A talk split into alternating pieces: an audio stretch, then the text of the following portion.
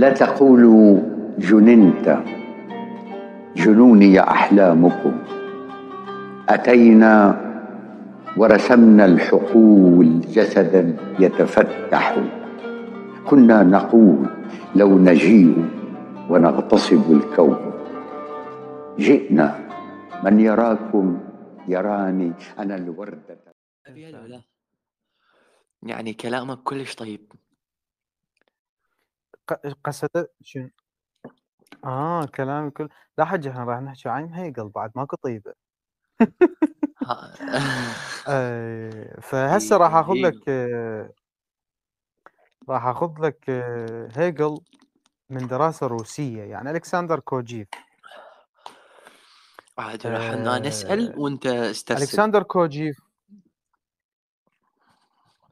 لا أول شيء راح أبلش. مقاطع تمام؟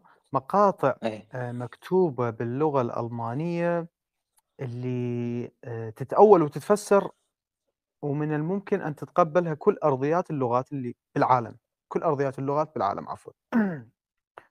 آه، ألكسندر كوجيف متأثر بهيجل بدرجة مرعبة خصوصا أنه كان يكتب بمجلات لماجازين ليترشر الآيلاند أورمال المجلات المدرسية آه، مجلات الجامعات الفرنسية والأسبانية وأيضا الروسية. آه، ترجمة هذا الكتاب يعني أو قراءته ما جتي آه، فهما للفلاسفة الآخرين تمام؟ يعني مثلا إحنا من نريد نقرأ فريدريك نيتشه راح نقرأ فريدريك نيتشه من خلال آه، فيلسوف اسمه جيل دولوز تمام؟ راح نقراه من خلال جاك دريدا راح نقراه من خلال هايدجر راح نقراه من خلال نعم نقراه من خلال آه، مثلا عندك هذا آه، جون كاغ اللي هو عنده كتاب the Hiking with فريدريك نيتشه التسكع مع نيتشه. طبعا الكتاب الأخير اللي أنا ترجمته أو هي عبارة عن مقالة. هاي المقالة تقريبا يوصل توصل إلى 35 صفحة 40 صفحة. بلشت بها مع أهم مفاهيم فريدريك نيتشه اللي هو السوبرمان الايباتوليخ أو ال Übermacht أه ترجم أو ال Übermensch أحسنت. الإنسان التجاوزي. ترجم هذا المصطلح وفهم من خلال التأويل أنه يقصد به الإنسان الأعلى أو الإنسان المتفوق غريزيا.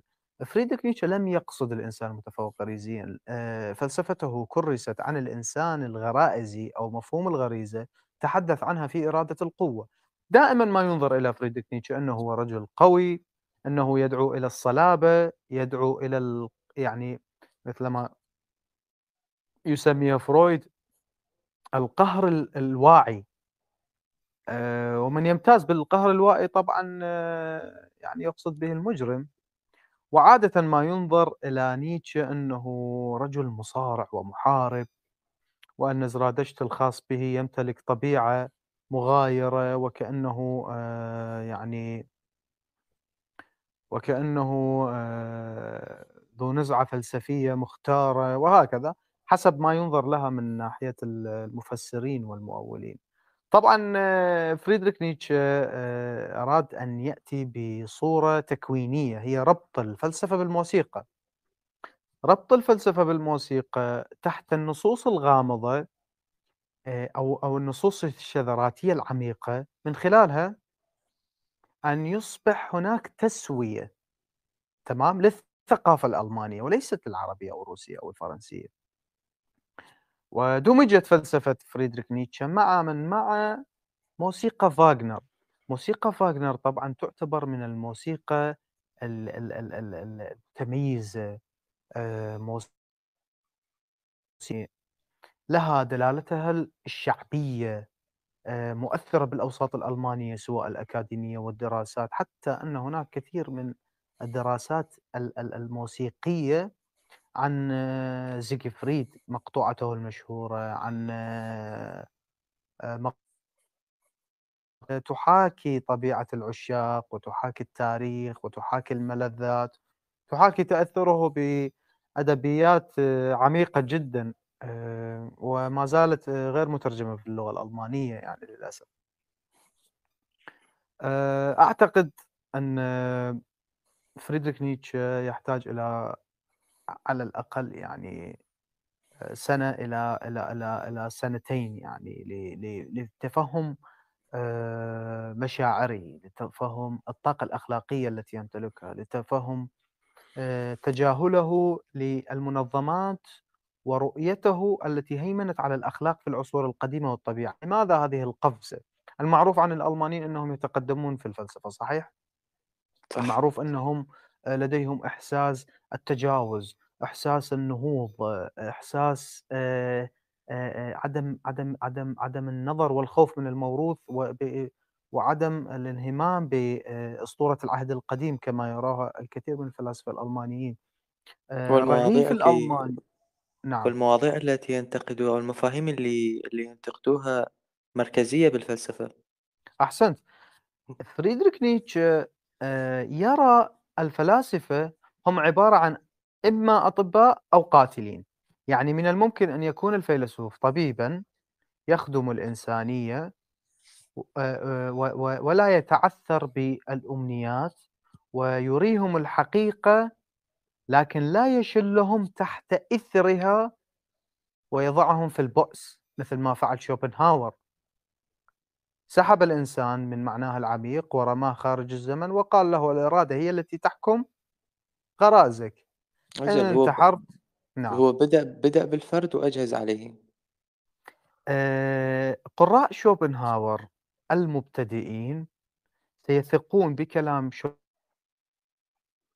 لأنه دائما في كل كتبه. في البداية يطرح الطريقة بمفارقة عجيبة لغوية آه، لا تنم عن أخطاء أبدا بل هي مفارقات آه، كتبها بلغة بسيطة. يعني ومغرية تمام؟ خالية من التكلف والتصنع. رغبة بأن تكون أنت مخدوع تحت قاعدة الفيلسوف الألماني شوبنهاور. طبعا هي ليست أكاذيب بل هي حقائق اجتماعية لكن مرتبطة بأساليب بلاغية ومن الممكن أن تؤثر حتى على الوعي. وأنا هنا يعني أحتاج أن أقول أن لكل فيلسوف مرشد. لكل فيلسوف يعني صعب الفلسفة كمثال شوبنهاور كمثال هيجل وفريدريك نيتشه لأنهم فلاسفة رشيقين غير متكلفين بالكتابة والمشية وفي بعض الأحيان يصلون إلى حد المثالية التي لا تفهم. أتذكر لينز عندما كتب أنني عندما أقرأ لشوبنهاور أشعر بالتشنج في كل بدني أو في كل مفاصلي. يعني قد أنه من قد كتابة هذا الفيلسوف الصادقة والأسلوب الشعري الخطابي المساعد يجعله يعني قريب منه جدا. الشعور لدى شوبنهاور أنا أراه حكيما وليس فيلسوفا ويعتبر مفرح وهو مشابه لفلسفة مونتاني تمام؟ آه، مفكر حقيقي منشرح القلب وليس متشائم مثل ما بل هو لديه جزئية الفلسفة التشاؤمية وليس متشائما بالحد. آه، الفيلسوف المتشائم لا يستطيع أن يكتب الفلسفة بهذه الرشاقة. هذا تحليل الخاص طبعا للبهجة التي يحملها آه، فريدريك عفوا آرثر شوبنهاور. وهذه البهجة أثرت في فلاسفة كثيرين من بعده. يعني أثرت حتى في ميشيل فوكو أثرت حتى في جيل دولوز وجاك دريدا ويعتبر فيلسوف نعم بالضبط فرويد و... و... والانطباع الفيزيولوجي أو يعني انطباع مليء بالطاقة الحيوية التي تحلل الإنسان من ناحية الفلسفة وهذا صعب يعني يجب أن يكون لديك علم نفس و هناك ملحوظة حلوة نعم. قالها فوكو عن على على شعورك وأنت تقرأ شوبنهاور. قال القارئ لشوبنهاور يكون ملازما دائما لشعور بأنه مخدوع. وشوبنهاور يكشف له هذا الخداع وكيشف ويكشف له كيف أنه مخدوع. ممتاز.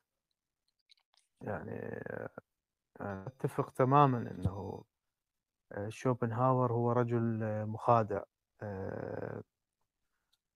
وفيلسوف يحتاج إلى إلى تدبير، يحتاج إلى يعني إلى إلى إلى فهم الضبابية خصوصًا تكلمه وحديثه التام عن السيادة المطلقة للحياة الذاتية، ومفهومه عن الحياة الموضوعية يعني أن يبين من خلاله أن أقصى مراحل التفلسف هو التأمل، يعني تخيل أن أن شوبنهاور الذي يتحدث عن الإرادة وثلثي آه، فلسفته تتحدث عن آه، قانون الذاتية وقانون التناقض والعلة الوجودية والقانون الثالث المرفوع والى اخره التي سأشرحها في محاضرة أخرى أو في اتصال آخر.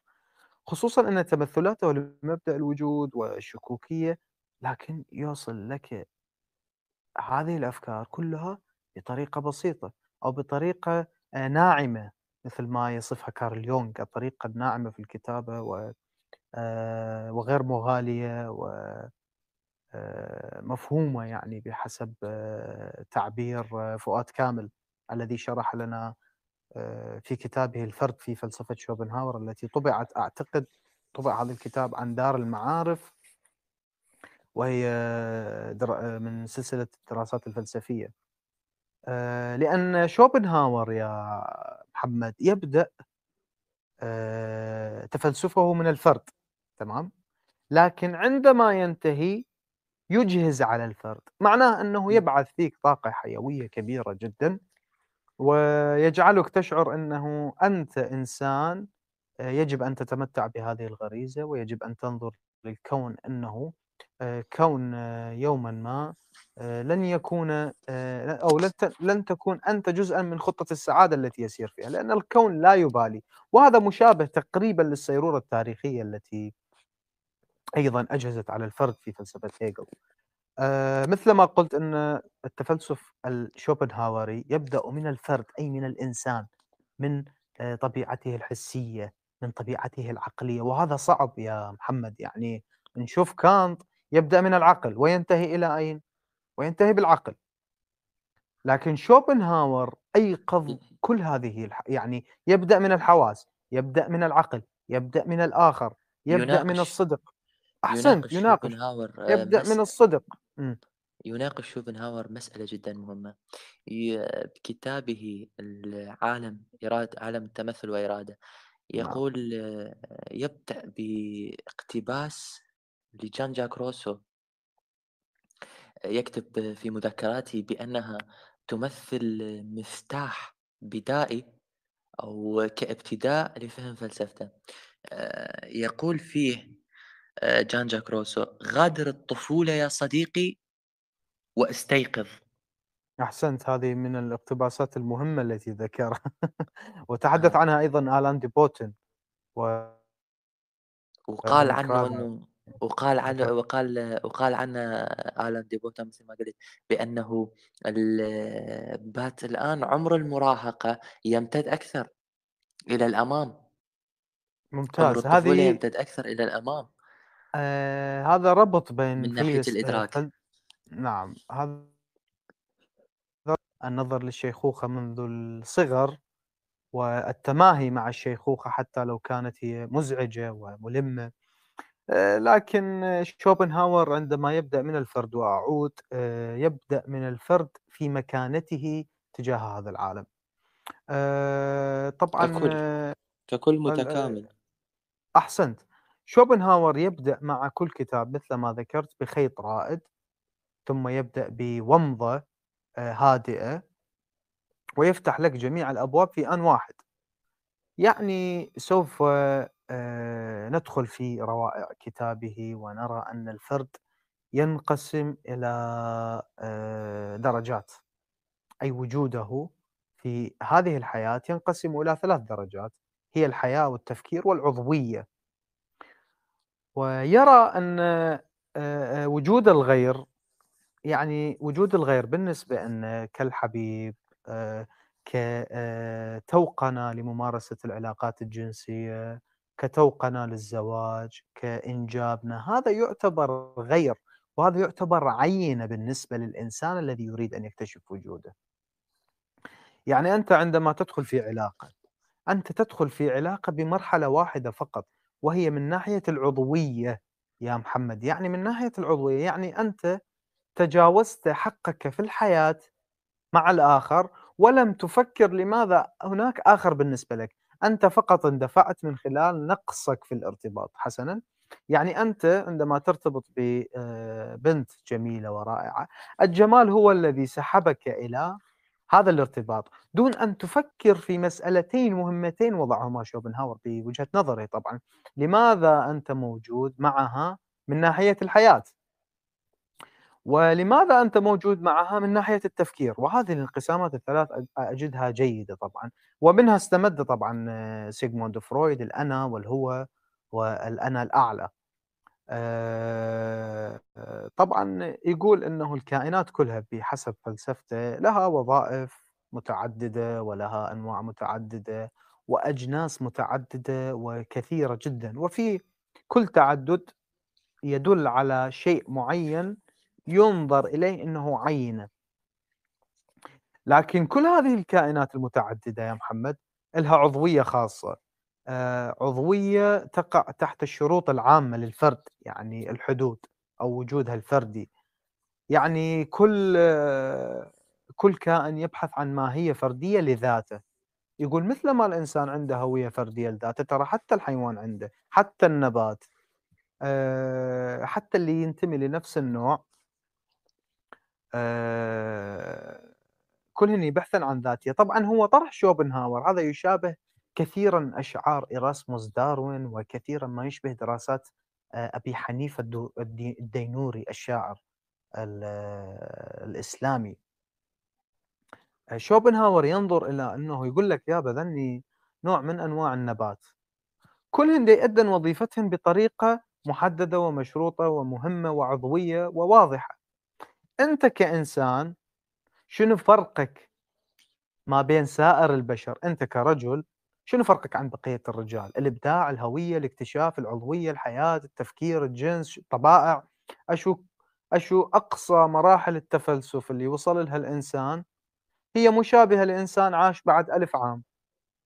نفس الغريزة، نفس الجنس، نفس الإنجاب، طبعا هو هذا اللي يسمى الفلسفة التشاؤمية وليس فلسفة البؤس. كما يوضح أنه شوبنهاور. بأس لا هذه ميتافيزيقية البحث هاي الروعة هذا الرونق الجمال في دراسة الإنسان من خلال تقسيمه لأن الإنسان لا يفهم من خلال شكل شمولي أو ديني أو يفهم بطريقة أنه أوه أنت فرد موجود في هذه البشرية وأنت لازم تخدم فلان ولازم أنت انخلقت للعباس وللحسين ولأبو فاضل و... لا لا لا لا. أو للمسيح أو أو, أو شلر بدراسته شلر بدراسته للتراجيديا. يوصف هاي هاي الفكرة اللي أنت قلتها. على نعم. أنه هو التفلسف تشاؤميا هو فقدان ميزتين. فقدان الإندهاش أحسنت. وانحطاط الأهمية. أنا أتفق بفكرتين أنه انحطاط الأهمية هي طبعا لا وجود لها في الإنسان. ليش؟ لأنه مثل ما قال شوبنهاور بحسب فلسفته أنه الإنسان ينتمي إلى علة التفكير بغض النظر عن الحيوان اللي ينتمي لعلة الغاية الإنسان أيضا يعني هو عنده معنى باعتباره فرد إنساني آه، يتألف ما بين المعلومة وما بين آه، آه، محاولة تمييز نفسه في حدود الهوية الخارجية والداخلية عفوا الداخلية لمفهوم الإنسانية. طبعا أكو مصطلح ألماني أتذكر اسمه سوغ غيز أو أعتقد السو جنغيز اللي هو مفهوم النسيج اللي دائما استخدمه شوبنهاور. هو مصطلح أعتقد يرجع للاتيني أعتقد. مفهوم النسيج آه يقول يقول شوبنهاور إنه إحنا لازم نفرق ما بين الفرد كفرد وما بين شخصيته. يقول لأن الإنسان هو مو شخصيته. يقول لأن الفرد هو حقيقته البيولوجية اللي راح يعيشها تمام؟ حقيقته ال ال ال ال الأساسية الفيزيولوجية المولودة يعني هو ينولد كفرد لكن ينولد بدون شخصية. آه neurology. neurology أحسن. الأعصاب. أحسن. أحسنت أحسنت أحسنت. يقول إنه الفرد ينولد آه، بيولوجيا بطريقة طبيعية وهذا يسمى فردا. يجب أن لا نقول عنه إنه شخصية مهمة في ولادته. وهنا يسخر طبعا من السيد المسيح. يقول عندما يولد المسيح ولد بيولوجيا كسائر بقية الأطفال.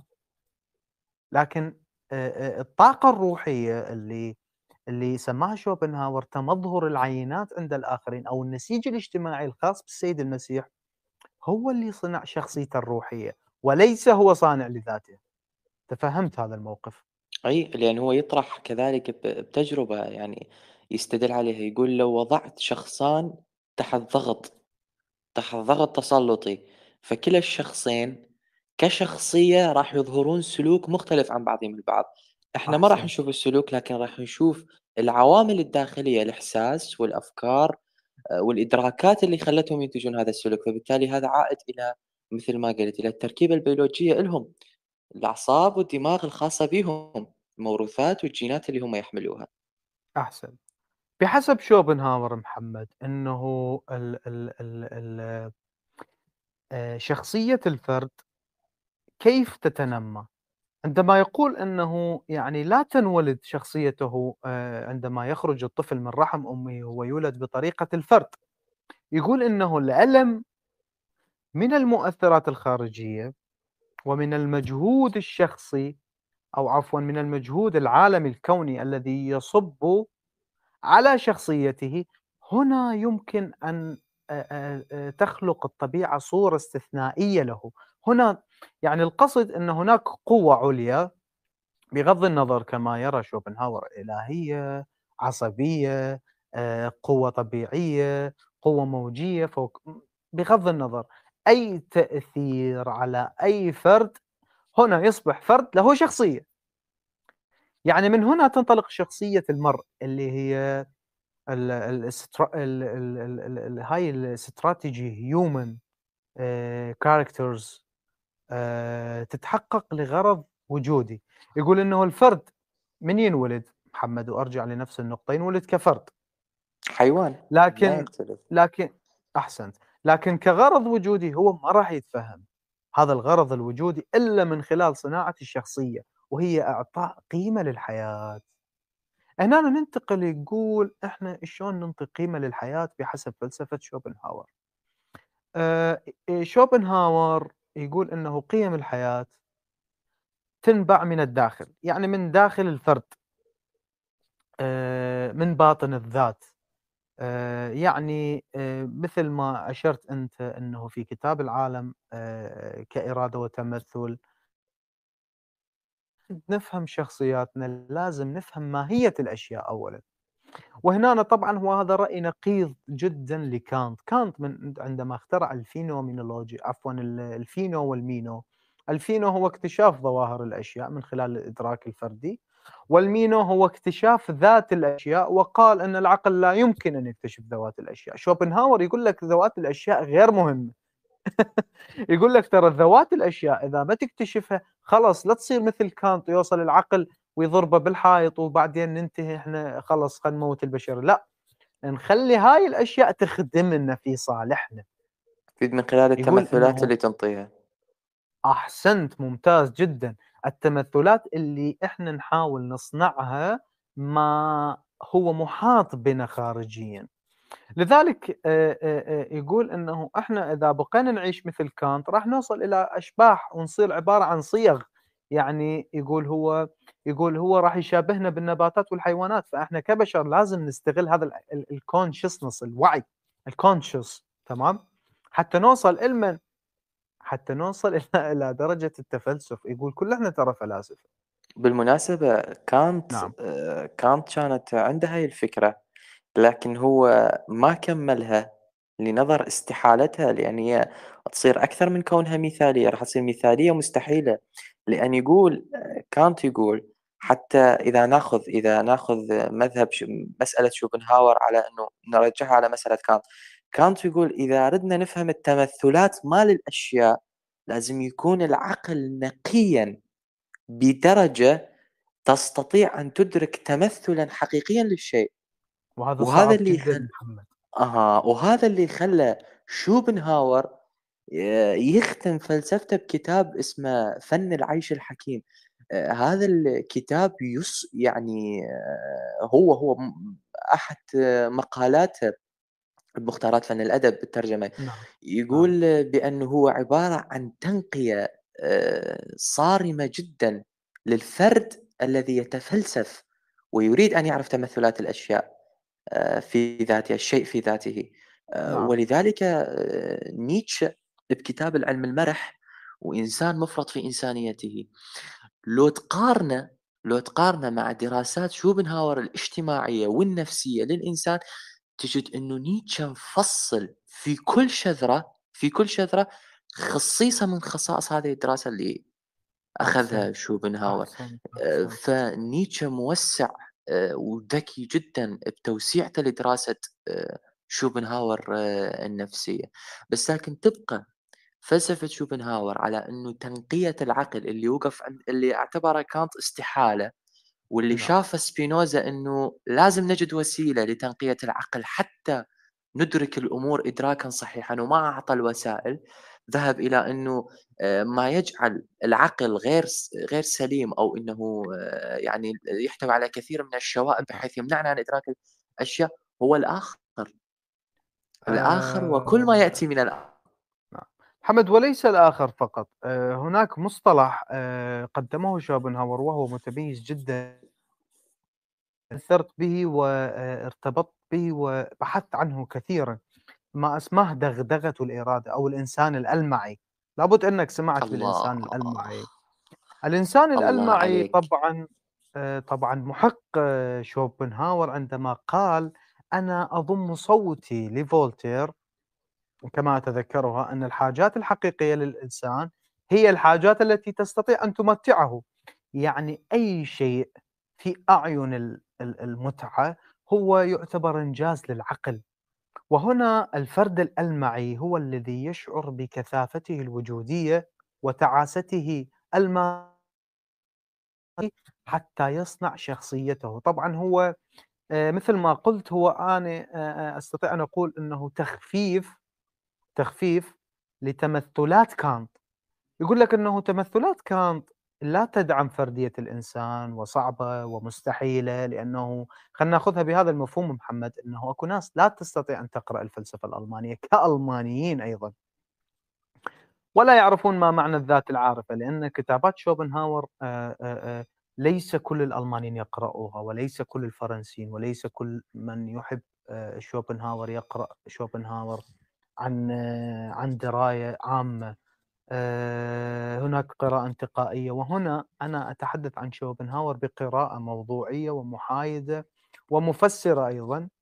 آه، آه، خصوصا أنه ينظر مثل ما قلت إلى كانت كنقيض وكصعب المزاج وفيلسوف آه، تحولاته كانت كانت صعب لأن كانت فلسفته تفهم يعني هو آه، فيلسوف فيلسوف لم يحتاج إلى الآخر ليتفلسف. أحسنت. الآن فهمنا أن شوبنهاور يقسم الفرد يا محمد إلمن إلى عضوية وإلى تفكير وإلى مفهوم حياة. هنا عقب ملاحظة فقط صغيرة على الإنسان الألمعي. يدرس فرويد فكرة الإنسان الألمعي لما قال شوبنهاور على أن الإنسان الألمعي أو الإنسان آه، الفوق العادي الذي يختلف عن الإنسان العادي بأن له آه، هو يعني نوع من السخرية له دماغان له دماغان أو له عقلان. عقل يخدم إرادته وعقل هو عقل بذاته لأنه يرى إلى الأمور بطريقة موضوعية لا تخدم لا تخدم الإرادة بعيدة عن الإرادة انسلخت وتنصلت من الإرادة. يقول فرويد يقول فرويد في ملاحظة له إن الإنسان الألمعي ملاح هو يعني آه، سقطت فيما بعد على يد لاكان.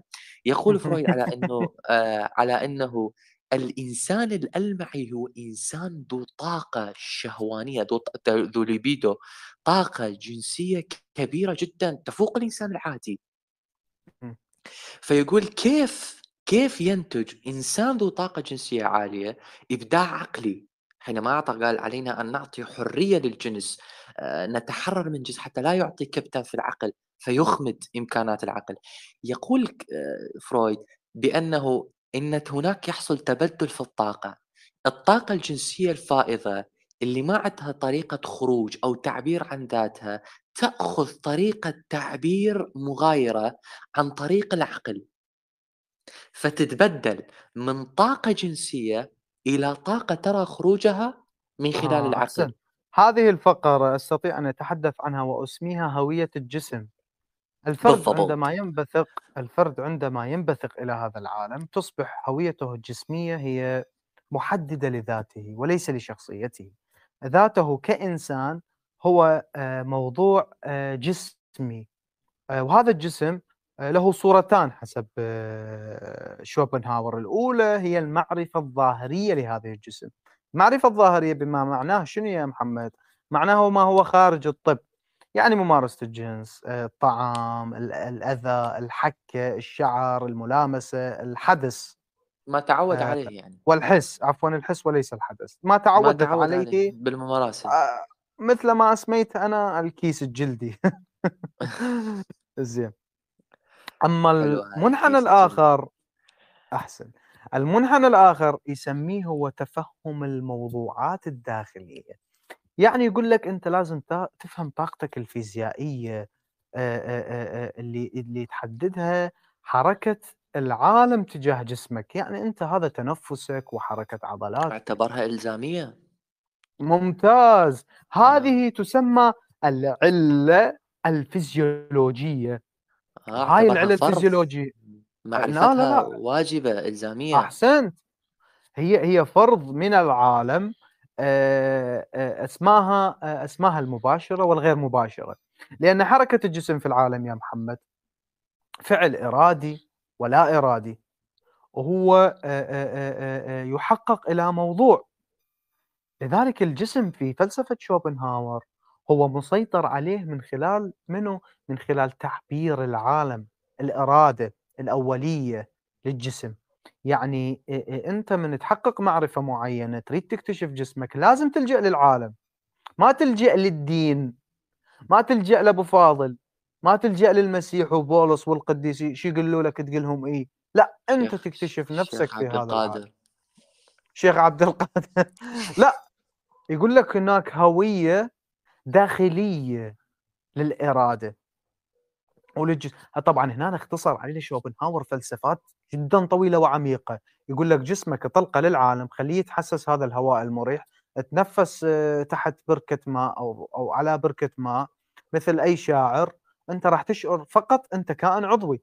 لا تخدم آلهة لا تخدم طاقة معينة لا أنت فرض من فروض الطبيعة التي صنعتها آه، الإرادة. طبعا في كتابه آه، الإرادة في الطبيعة آه، شرح تمثلات هذا العالم والبعد الجسمي ومفهوم الإرادة الكلي والوحدانية وإلى آخره من هذه. وخصوصا أنه شرح مفهوم الزمان من ناحية الهوية الإنسانية.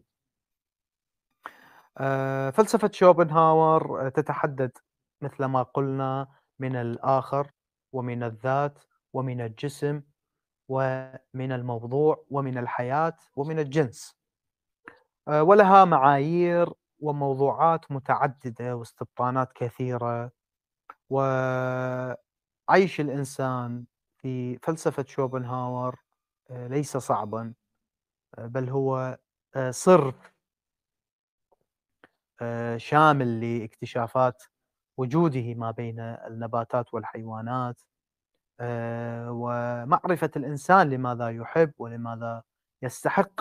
هو أن يحب كل الأشياء في تمثلاتها وفي خرافاتها وفي حدثها وفي ازدواجيتها لكن بالطريقة التي تجعله ينمي ذاته. إيه لأن هو لديه في مقال آه، يذم فيه الانتحار.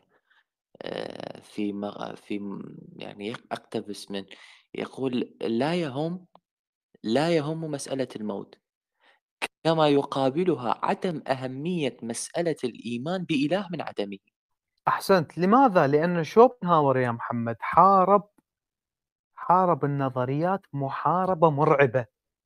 يقول إنه مو كل النظريات اللي تجي من العلم وتجي من الفلسفة يجب أن تعتبر حقيقية اللي سماها هي الأنانية النظرية. الأنانية المرعبة يقول أي نظرية تلتزم ببعد أناني على الإنسان ويعني تطول أكثر من خمسين سنة هاي تقتله.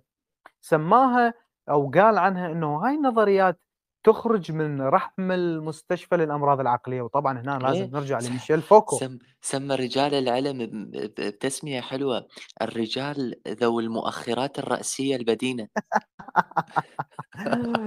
زين. آه، طبعا صورة جدلية للجسم آه، عند شوبنهاور هي معرفة مزدوجة. آه، إذا نقرأ ميشيل فوغو راح نفهم لماذا شوبنهاور حارب النظريات. آه، و- وأودعها في مستشفى الأمراض العقلية يعني وقال إنه ما تخرج. أو هاي النظريات هي اللي دا تخبل الإنسان وتوصله لمرحلة الجنون أو دا تبعده عن الإرادة الجسمية لحقيقته. طبعا آه، شوبنهاور آه، يسعى إلى جعل الإرادة آه، وهي إرادة العيش طبعا ماهية آه، من خلالها يستبطن المرء ذاته. ويطرح على نفسه الأسئلة ويجعل الإرادة حقيقة قائمة آه، ليست كنظرية لأنه ما يناقض نفسه هي ليست نظرية هي نوع من أنواع الحدس أو أي دراسة التفكير. درا دراسة مستمرة للإنسان لنفسه. أحسنت. الحياة ال- الح... ويتبع هذا المبدأ الحياة الغير المدروسة لا تستحق أن تعاش. يعني تقصد أنت الحياة التي تلتزم بالطبع التجريبي وهذا تفسير كافي للأفعال يعني الطبع التجريبي جدا جميل. اللي يجردك من وجهات نظر الآخرين اللي دائما ما نقع تحت شكوكها ومك... وعدم إمكانياتها خصوصا أنه إحنا دا نقلد الآخرين في كل شيء. ليه شخص راح للطب ليه في ناس مثلا يقول ليه في. ناس يقول آه، لو لو أردنا أن نتحرر من سلطة الآخر كل ما علينا أن نشك فيما يبديه الآخر وفيما آه، نظنه من جانبنا نحو الآخر. ممتاز. إذا الإرادة حسب شوبنهاور محمد هي الإخضاع إلى مبدأ الذاتية وهو مبدأ الكفاية. يعني يقول لك أنه أنت إذا ما عندك إبداع وما عندك تمظهرات تقدر من خلالها تقلد الآخرين وتصير فنان أو مغني أو أو أو أو أو آه، يعني آه، موضوع من خلاله تقدر تثبت نفسك في المجتمع. يقول لك أنه شك بالمجتمع لأنه أهلية هذا المجتمع ما عندها العلة الكافية حتى تخليك خاضع إلها يعني قصده أنه آه، الأفراد اللي يجاهلون المنهج الإنساني ويسلطون أضواءهم على فقط إبداعاتهم اللي تنتجها السلطة تمام؟ واللي تحتكرها المدارس الأكاديمية أو الكليات والجامعات. يقول هنا راح نخنق إرادتنا الحرة والحية. يقول هنا راح نتحول من فرد واعي ومن إنسان يكتشف شخصيته إلى إنسان يفارق الحياة. فعلا يفارق الحياة يعني وهو حي يضع نظارة صفراء على عينيه ويعيش كأي شخصية تعيش دور مسرحي. يقول الغرض مو من عيشنا حتى ندهش الإنسان أو ندهش الآخر. يقول أنت من تعيش كإنسان مسرحي راح تبقى جثة هامدة. يعني بحسب نظرته أنه أنت كائن محدد تفهم صيرورة دوافعك اللي معطاة من الداخل. قصده أنه أنا عندما أحاول أن أحقق إنجازي في, في, في تحصيل الطب. لماذا الطب هو حقيقة في العراق؟ وعندما نذهب لمجتمعات أخرى نرى الطب هو آه، يعني آه، ليس موضوعا حقيقيا وليس هو هوس المجتمع وليس هو الذي يقدر أخلاق المرء ويعطيه آه، جميع التحولات النفسية آه، وجميع التحولات التي لا لا تجعله يستدل كائنا لا. يستدل به على المكان الاجتماعي. أحسنت المكانه الاجتماعيه بحسب شوبنهاور يقول لك إنه ليست في الطب وليست في الدراسة الأكاديمية بل هي كلمة لإخضاع الإرادة. يعني ليست حقيقة موضوعية. الدراسة بعد 20 سنة 30 سنة تتغير لكن أنت كإنسان راح تتغير حسب طباع هذه النظريات التي تخرج من رحم وأرحام لذلك هو يؤدي آه، الفكر الأصيل. هو يؤيد الفكر احسن الأصيل ولا يؤيد الكتب. لأن يقول بأن الكتب تحرفنا عن المسار ال- الأصيل وعن الأصالة الروحية عن الأصالة الذاتية فهي لأن عبارة ال- عن البحث في رأس آخر التغذي عن الفضلات المعرفية وليست عن الفضلات الأس- الأصلية التي آه، تنشأ من اللحم الإنساني أحسن ذاته. أحسن. آه، هنا أريد أن أوضح أيضا أن الإرادة ليست القوة. لا. القوة سأشرحها عند شوبنهاور. الإرادة عند آه، عفوا القوة سأشرحها عند فريدريك نيتشه. نيتشه. الإرادة عند شوبنهاور عكس القوة تماما. يقول إنه كل الأنواع ال- ال- ال- ال- العضوية وكل ال- ال- الكائنات الحية آه، تدخل تحت تصور الإرادة. لأن الإرادة شنو محمد؟ الاراده كونية. الإرادة موضوعية للعالم. هي ظاهرة هي تمثل هي شيء أكبر من قوة الإنسان. يقول إحنا عبارة عن شخص معلول داخل علة. المعلول هنا هي قوة الإنسان الفردية أما الإرادة هي العلة الكبرى للكون.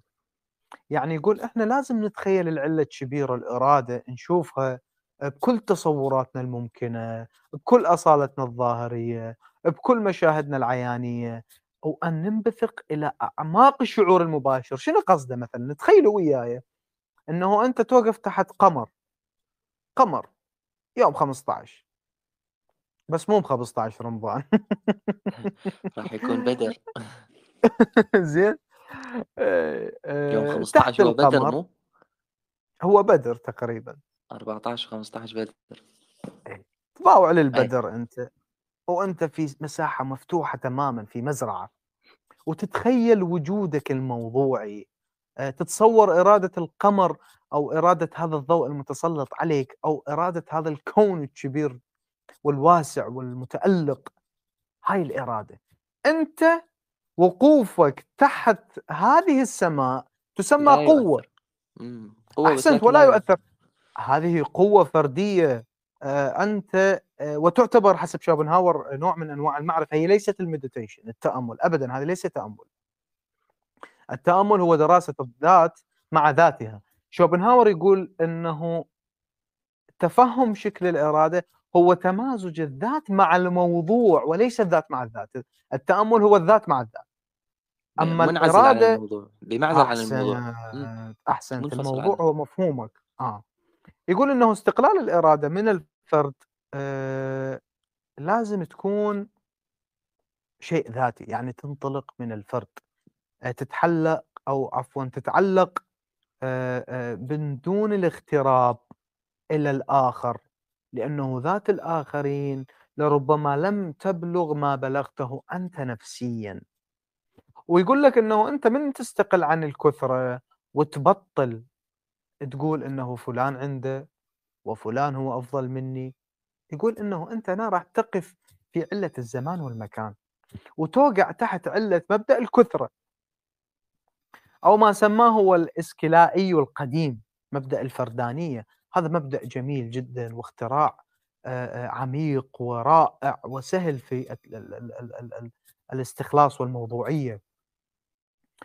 آه، هذا المفهوم من خلاله يعني يشوف آه، إرادة العالم كلها هي تنبع من كل شيء، يعني كل شيء دا يصير على هاي الأرض ويتحرك هو ينبع من العالم بطريقة أساسية، العالم هو الذي يبث روح هذه الموضوعية التي تتحرك.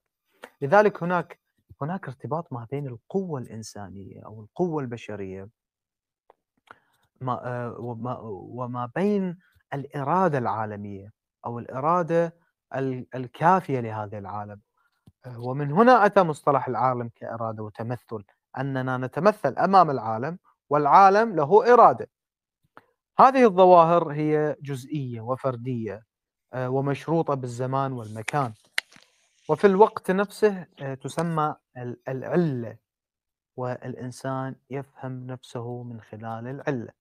وهنا أختم كلامي. جزيل الشكر. عفوا عفوا عفوا محمد. عندنا حديث آخر. آه، عن موضوعات أخرى أكيد طبعا. واستمتعت أو استفادت؟ جدا شكرا. عفوا.